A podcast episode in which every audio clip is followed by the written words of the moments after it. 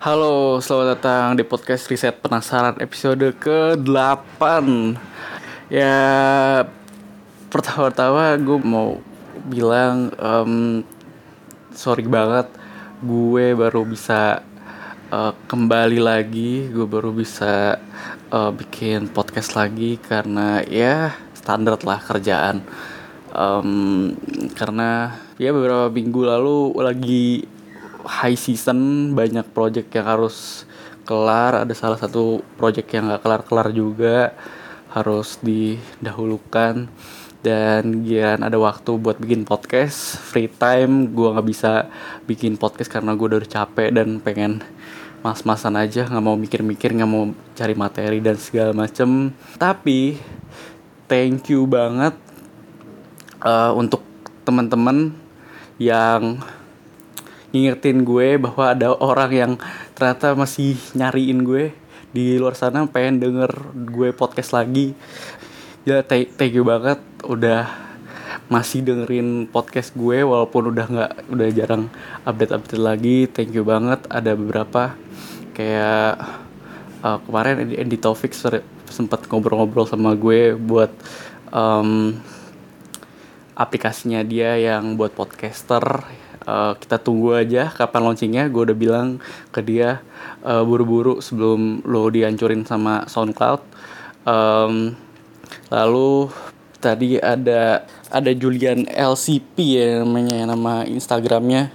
Uh, juga bilang masih nungguin gue ngepodcast lagi. Thank you banget. Ada juga nih Diana Saadah ya. nge-DM gue di Instagram kayak iya kak masih update lagi lah gitu intinya thank you banget udah ingetin gue. Ternyata masih banyak orang yang nungguin gue di sana. Nggak tau lah apa tiga ya orang ini doang. Um, ya gitulah pokoknya. Um, oke okay. kali ini gue mau ngejelasin apa ya? Gue mau ngejelasin gimana sebenarnya um, seluk beluk apa gue baru pengen balik lagi ke strategi marketing lagi sih jadi gimana sekarang strategi marketing tuh flownya seperti apa harus apa aja yang harus dia siapin dan segala macam um, ya oke okay, lu dengerin aja podcast episode kali ini oke okay?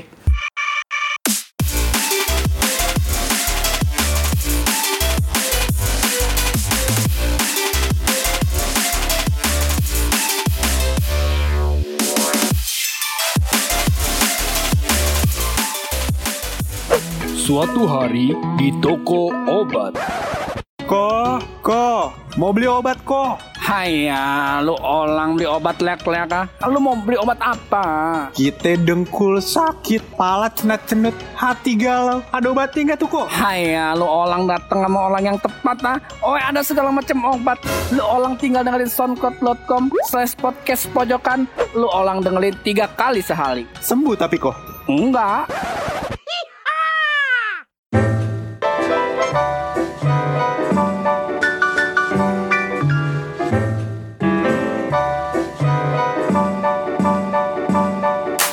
Oke, oke, oke.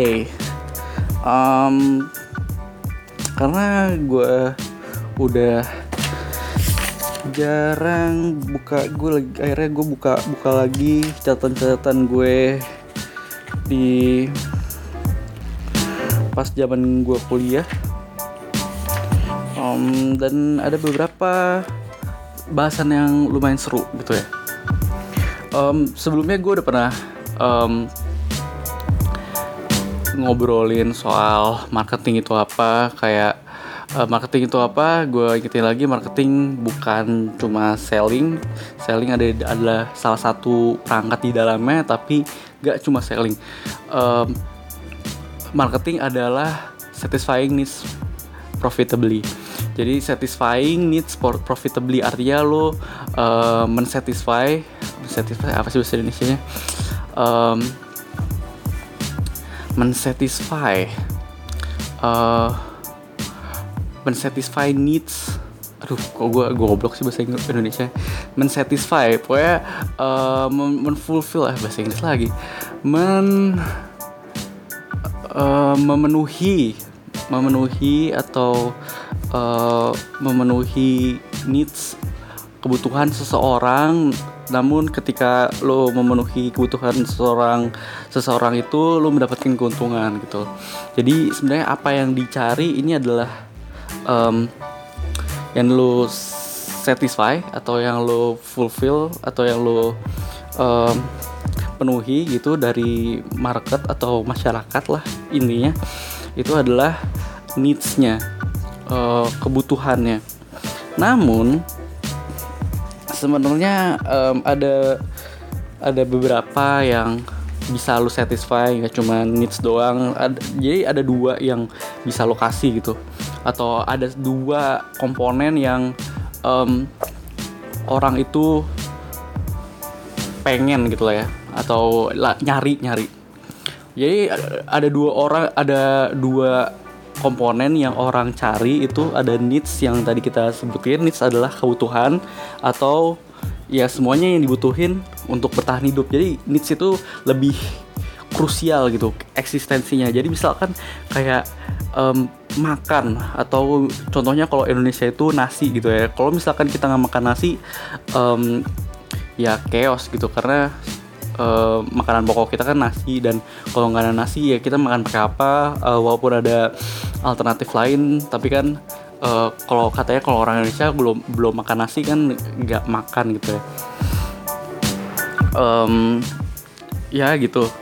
Jadi kayak kalau misalkan uh, kayak atau enggak yang lain misalkan um, berkomunikasi sekarang juga alat komunikasi apa pun bentuknya kayak handphone um, internet juga udah jadi needs sekarang. Jadi udah bukan ke keinginan lagi gitu. Karena sekarang semua orang butuh untuk berkomunikasi nggak cuma nggak cuma ke orang ya setidaknya ke orang-orang yang terdekat kayak keluarga atau teman atau kerabat gitu ya.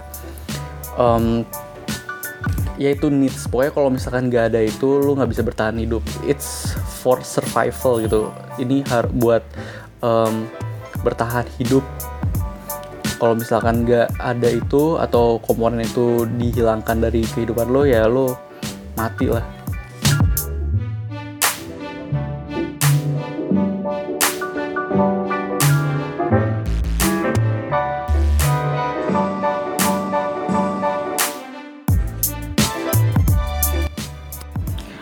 Oke, selanjutnya ada yang namanya wants juga atau keinginan. Jadi keinginan ini lebih nggak krusial. Misalkan, uh, jadi gue kasih tau definisinya, wants itu adalah sesuatu yang diinginkan, entah itu bisa atau tidak dapat dimiliki gitu. Um, jadi wants itu lebih impulsif sifatnya, lebih uh, spontan kali ya, lebih spontan dan um,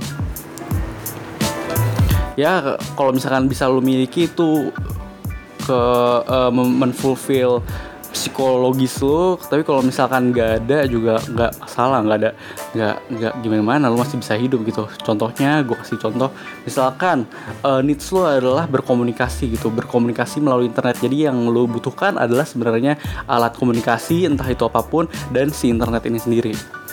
Uh, tapi untuk mengakses internet kan nggak harus yang bagus-bagus banget. Kayak misalkan lu beli kayak um, HP yang di bawah HP Cina yang di bawah satu jutaan itu juga udah bisa akses internet. Udah pakai Android juga misalkan gitu. Dan tapi kalau misalkan lu mau mengakses internet dari ha, uh, misalkan handphone kayak Galaxy S9 gitu misalkan itu udah bukan kebutuhan lagi itu udah kayak um, keinginan lo aja pengen ya lo pengennya ya biar kelihatan classy, pengen kelihatan ya borju dan segala macam kayak gitu ya pokoknya men satisfy your mind, satisfy your ego lah itu lebih ke ego lah yang lo satisfy. Tapi ada ada kemungkinan juga misalkan mahal tapi emang lo butuh gitu. Misalkan gini, um, lo sakit um, atau enggak gimana ya? Uh, lo punya ada seseorang misalnya ada seseorang yang uh, gak bisa ngomong gitu. Ada oh, seseorang yang gak bisa ngomong dan supaya bisa ngomong itu butuh um, komputer yang speknya tinggi banget harganya berjuta-juta misalkan gitu.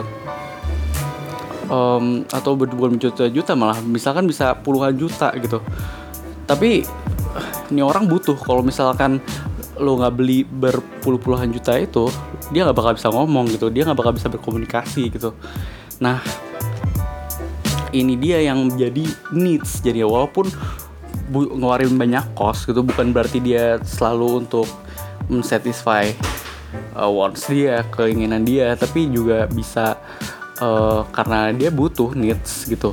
Atau misalkan ternyata Galaxy S9 itu uh, memiliki uh, fitur atau salah satu uh, alat yang bisa mengencrypt apa gitu. Terus kalau misalkan dia S9-nya itu nggak dibeli tuh kalau misalkan S9-nya itu nggak dibeli ya lu bakalan bisa mati karena enkripsinya nggak bisa lu buka dan segala macam itu juga udah udah jadi needs gitu udah jadi your life at stake gitu nah itu yang mem, mem, apa namanya uh, membedakan lah needs dan wants gitu.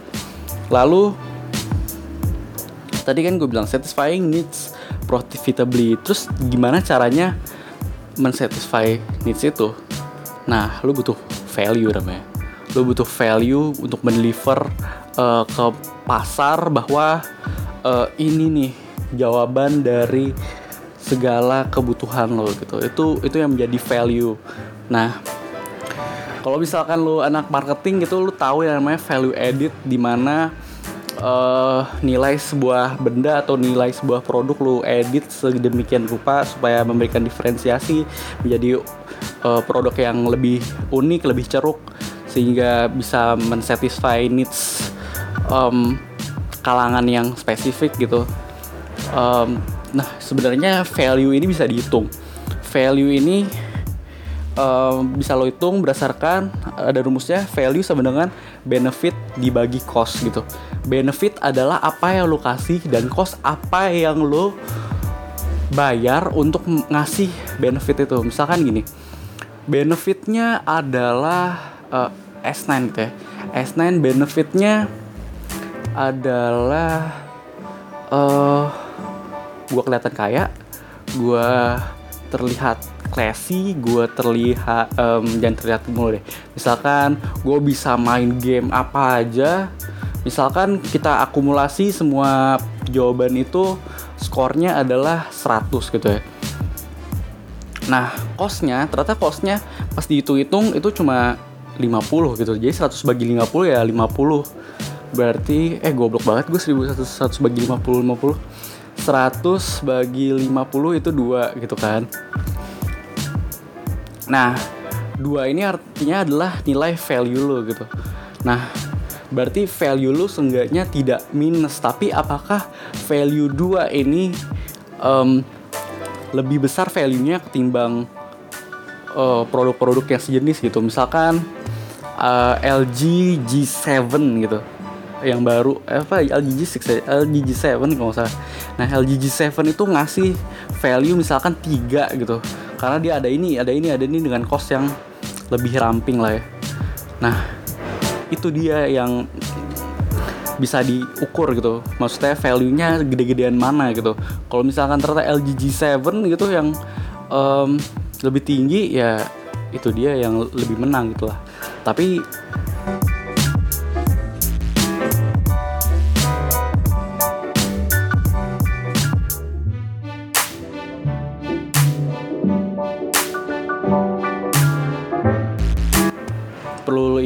bahwa value ini value sebuah produk terhadap seorang terhadap individu itu beda-beda. Makanya kenapa selalu um, segmentasi itu penting. Um, waduh gue udah jelasin segmentasi ya kalau misalkan lu mungkin lu bisa ubuk-ubuk podcast gue deh. Kalau nggak salah gue pernah ngejelasin soal segmentasi. Makanya kenapa segmentasi itu penting? Karena untuk mendapatkan uh, market yang lebih ceruk gitu. Market yang lebih ceruk sehingga um, lo tahu lo mau mensatisfy orang yang mana gitu. Orang yang mana dengan klasifikasi seperti apa um, orangnya sukanya apa orangnya kalau misalkan berpikir pakai apa bayar pakai apa itu yang lo satisfy gitu. Sehingga lo akhirnya value-nya bisa lo hitung gitu. Karena kadang-kadang segmentasi sama aja value-nya nggak sama semua gitu. Makanya nanti kalau misalkan lo belajar market research tuh kalau misalkan udah nih screeningnya udah sama semua orangnya. Uh, nah sekarang apa yang bedain mereka itu? Salah satu yang kalau misalkan di kantor gue uh, atau uh, gue pernah ada project itu namanya segmentasi dan ya lumayan juga.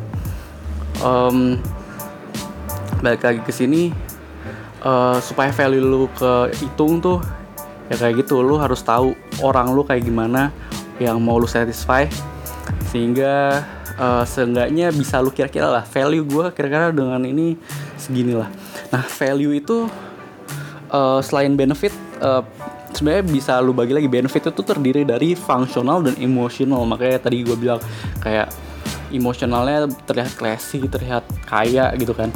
Kalau fungsionalnya ya bisa main game berat apa aja baterai nggak uh, cepet habis. Nah itu fungsional nah kalau cost itu ada beberapa ada monetary atau uang ya.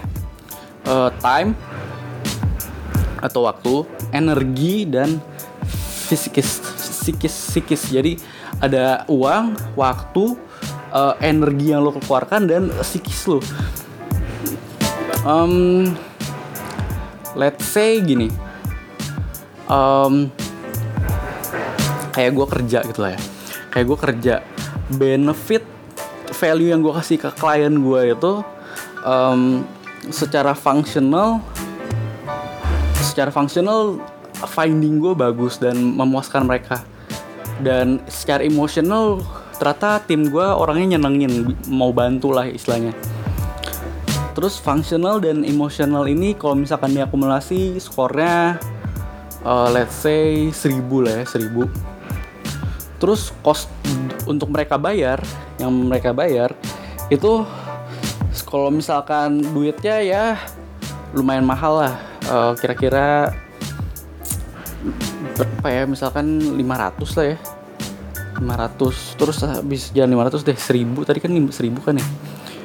Jadi value yang gue kasih 1000 terus habis itu kalau misalkan harga ya oke okay lah 100 gitu misalkan 100 terus waktunya ternyata bisa tepat waktu jadi gue nggak bisa gue apa namanya kalau misalkan gue mau presentasi ke atasan gue uh, nggak perlu nunggu-nunggu lama ya berarti bagus lah satu misalkan 101 terus habis itu energinya ya kan gue jadinya nggak repot dan segala macem. Harganya ya satu juga jadi 102 gitu. Terus habis itu secara psikis tata ini anak-anak nyenengin nol lah. Berarti kan nggak ada uh, uh, apa namanya harga yang gue bayar untuk psikis gue karena kan gue nggak tersiksa. Kalau misalkan makin nyiksa ya makin banyak ini bayar kan. Berarti 102 doang. Ya udah hitung aja 1000 bagi 102 berapa. Itu value yang gue kasih ke klien. Gitu. Dan uh, selain itu ini gue udah berapa lama sih? Ngoceh-ngoceh. Oh masih 17 menit. Santai aja.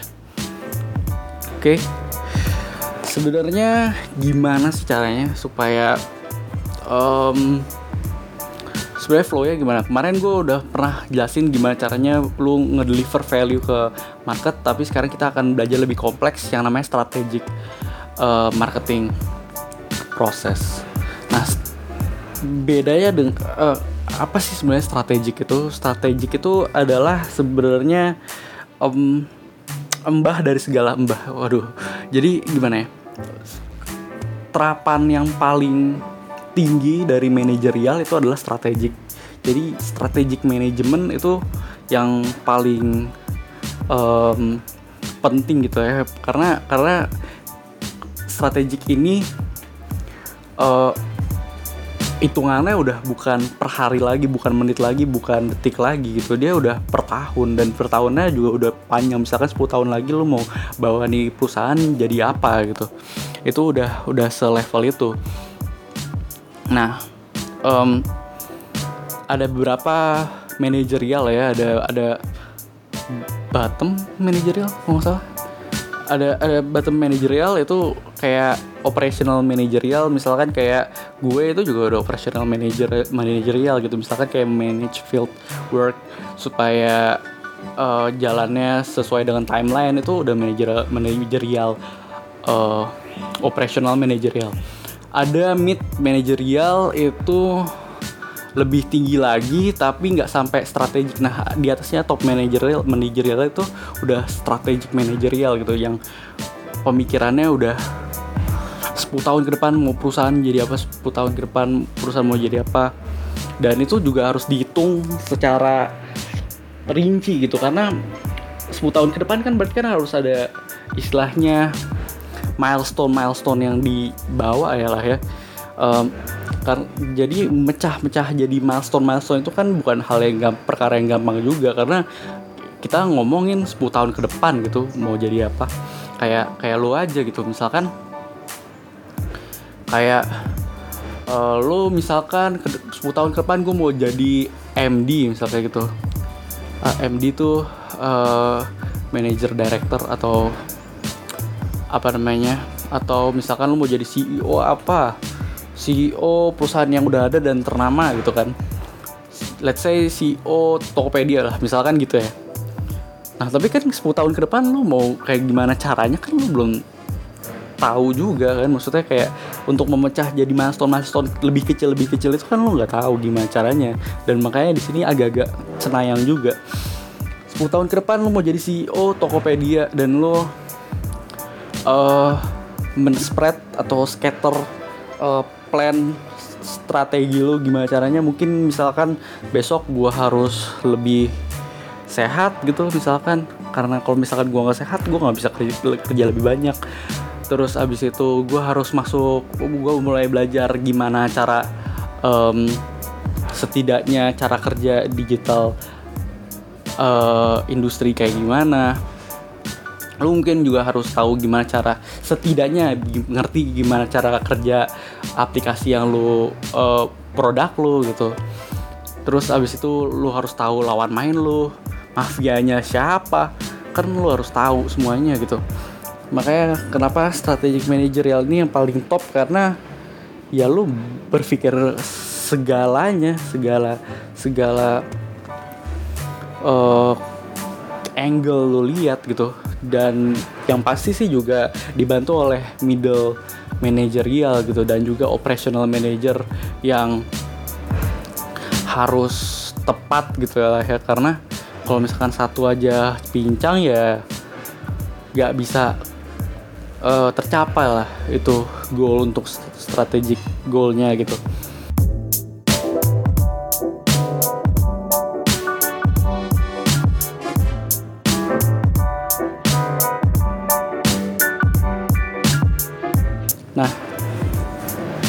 Gue jelasin uh, gimana sebenarnya strategic marketing itu? Pertama adalah uh, market anal analysis gitu. Ya lu menganalisis market pasar gitu.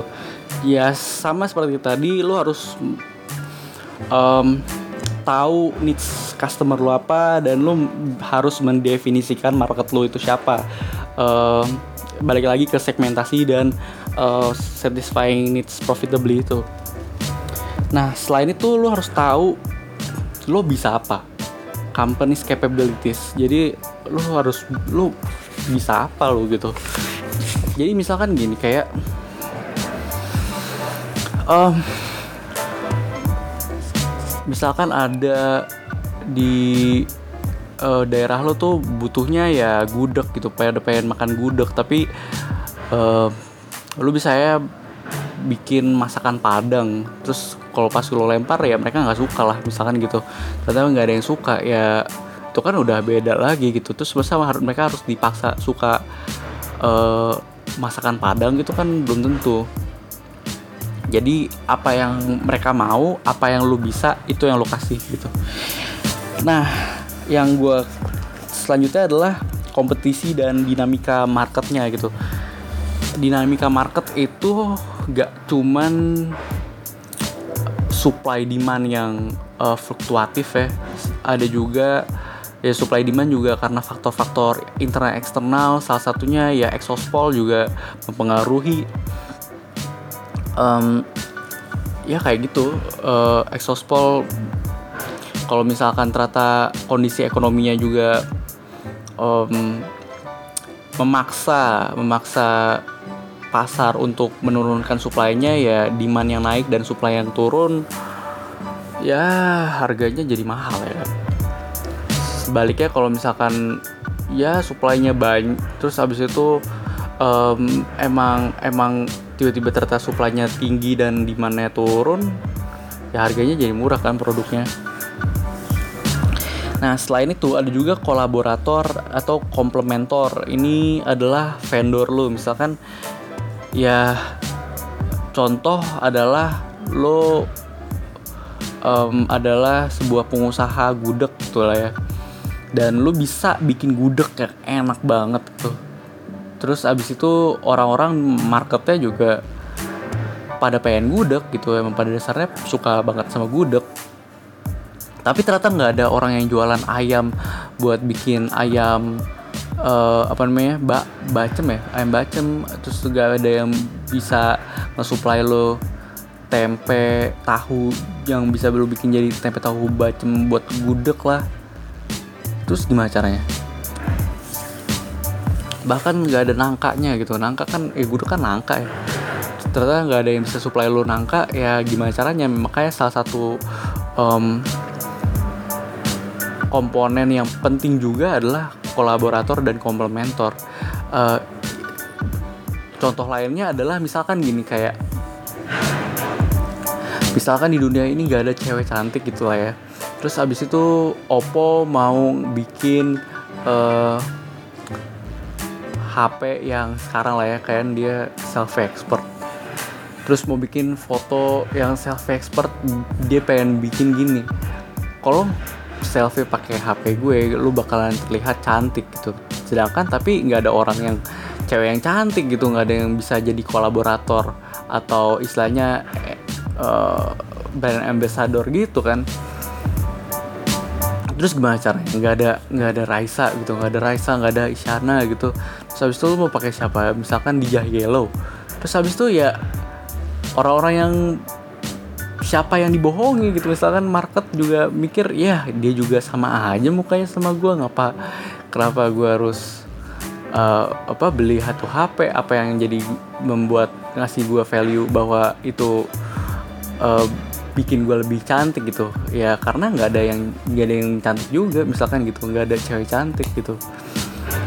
Itu juga salah satu yang kolaborator dan komplementer itu menjadi bagian yang penting lah ya e, banyak. Misalkan gini kayak lu mau ngiklan tapi lu nggak ada yang bisa ngiklan eh nggak ada yang bisa bikin iklan maksud gue dan lo butuh uh, advertising agency dan ternyata nggak ada yang bisa bikin iklan gitu. Ya terus gimana? Ya makanya penting penting banget kolaborator itu dan si komplementer. Oke? Okay? dan ketika lu uh, menganalisis semua komponen ini semuanya dan lo akhirnya udah tahu sah nih market lo segini dan dan market lo seperti apa lo sudah bisa mendefinisikan market lo seperti apa apa yang bisa lo kasih uh, kompetisinya gue juga udah hafal gue cek cekannya bisa lah mafianya ini mafia itu bisa lo uh, gue cekin biar lo nggak kena ini itu terus habis itu lu udah tahu kolaboratornya siapa komplementornya siapa lu mau pakai uh, agensi iklan siapa lu mau bikin uh, lu mau beli gudeg nangkanya di mana lu mau beli ayamnya di mana lu udah tahu semua. Nah sekarang um, waktunya lu menseleksi pasar lu gitu kan tadi itu needsnya banyak gitu ya. Needsnya banyak customer needsnya banyak. Marketnya seperti apa lu udah tahu. Nah sekarang lu saatnya mengecilkan market lu. Nah ini yang namanya STP mungkin gue udah pernah ngajarin tapi gue uh, agak bahas lebih sekilas aja lah ya. Nah pertama lu harus mensegmentasi dan lo harus menseleksi market lo uh, atau pasar lo gitu. Jadi segmentasi itu kan um, seperti yang gue udah pernah bilang segmentasi itu dibagi jadi empat yaitu behavior psikografis demografis dan um, geografis. Dari empat komponen itu lo lo lo pilih-pilih kayak gimana aja. Misalkan demografis lo mau cewek apa cowok uh, umurnya berapa dan berapa uh, geografis lo mau jualan atau lo mau ngambil orang-orang yang gimana psikografis tata orangnya seperti apa behavior lo bayarnya pakai apa. Udah dapet abis itu lo dapet abis itu lo masuk ke targeting STP segmentasi targeting positioning targeting adalah uh, lu kecilin lagi segmennya. Misalkan cewek dengan umur 25 sampai 30 era lu cuma ngambil cewek dengan umur 25 aja dengan uh, kesukaan warna pink dan segala macem gitu. Eh ini kan lagi ngomongin gudeg ya. Misalkan cewek yang uh, umur 25 pengen makan gudeg yang warnanya pink misalkan gitu. Suka warna pink gitu jadi pengennya gudeg warna pink. Nah produk positioning gitu produk positioning adalah sebenarnya uh, lu pengen dilihat seperti apa? Misalkan gudeg pink uh, lu pengen dilihat sebagai gudeg yang unik yang um, girly banget misalkan gitu. Ya udah berarti lu misalkan nah ada juga namanya positioning statement yang mana uh, lu menstate bahwa positioning lu pengen dilihat seperti itu. Itu uh, terlihat dari tagline tagline. Bisa dilihat dari tagline nah misalkan gudeg warna pink ya udah misalkan uh, gudeg pink gudeg yang girly banget misalkan gitu. Gudeg yang girly banget. Nah tagline-nya itu ya udah kelihatan banget kan berarti kan ini gudeg tapi cewek banget gitu. Oke, lanjut lagi ke uh, bahasan yang yang udah pernah gue jelasin tadi udah analisis market udah lu tahu menseleksi market lu udah juga. Dan lanjutnya adalah marketing mix. Marketing mix yang udah pernah gue jelasin adalah 4P kan ya. Uh, product price place promotion sebenarnya ada 8 4P tapi sebenarnya ada 8 product price place promotion people. People adalah SDM-nya uh, lu harus tahu SDM lu kayak gimana juga cara kerjanya supaya lo um, tahu sebenarnya seberapa gede sih value lu dan seberapa besar um, strength lu. Lalu ada proses um, ini proses apa pun manajer manajerial proses kalau misalkan lu anak manajemen uh, ada beberapa kayak manajemen SDM ada manajemen operasional ada manajemen strategik itu semua proses harus runut semua sehingga bisa um, ngasilin atau setidaknya ngasih output yang uh, sesuai dengan ekspektasi lo. Lalu ada physical evidence ya udah proses dan segala macam hasil kerjanya harus ada dong. Kalau misalkan gak ada hasil kerjanya gimana?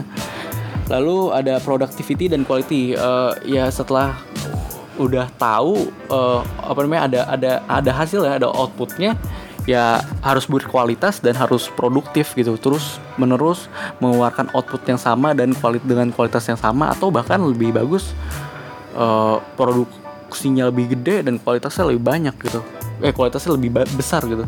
Lebih bagus. Ya itu dia. Jadi memberikan value yang baik uh, memberikan strength juga yang baik.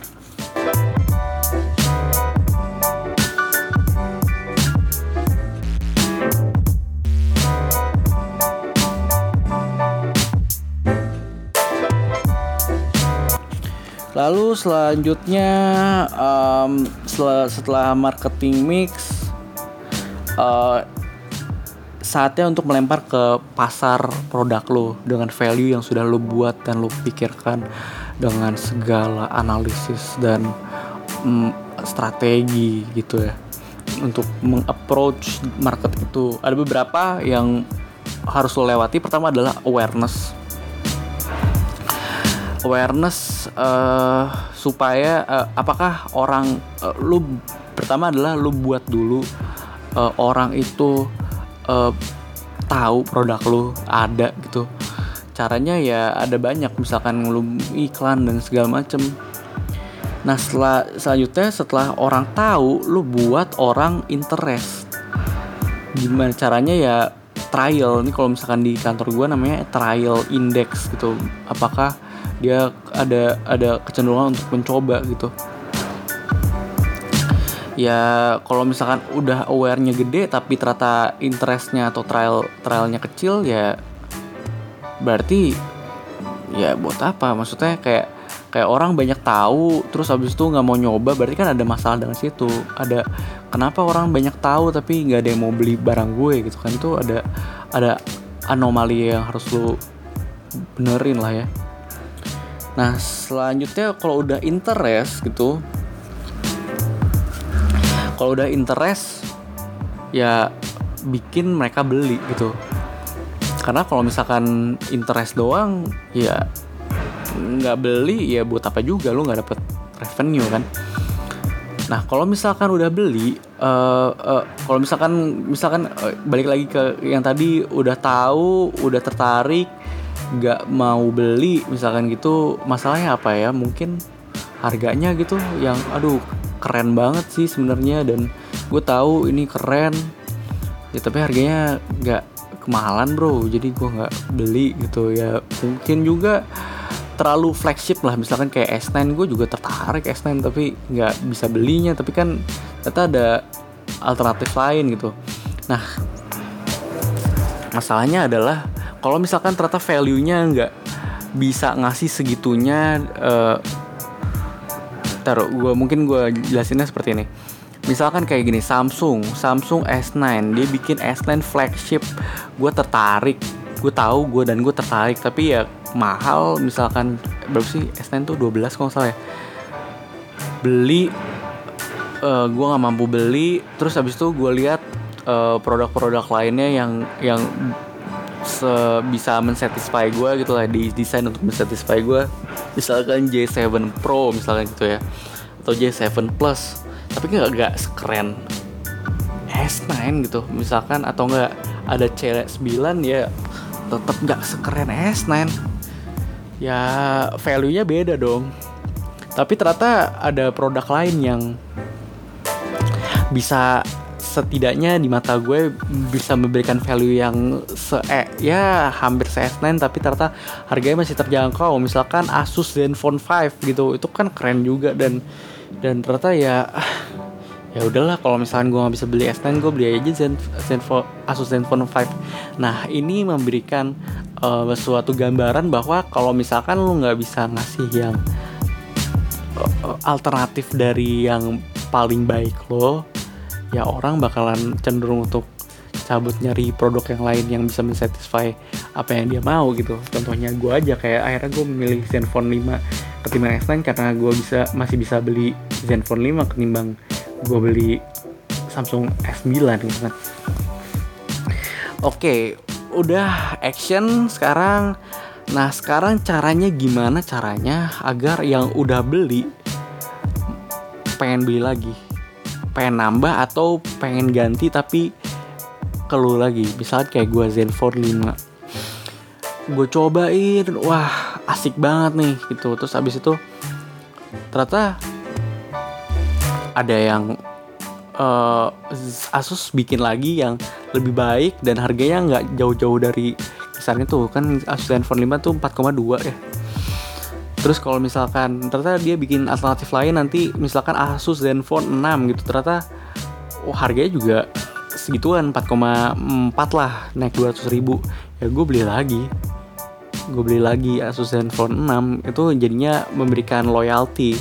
Uh, dia jadi loyalty loyal customer bagi lo. Nah itu gimana caranya supaya uh, orang yang udah beli dan satisfied uh, apa namanya puas dengan apa yang lu kasih gitu dia cenderung untuk membeli lagi dan itu menjadi uh, aset bagi perusahaan lo gitu.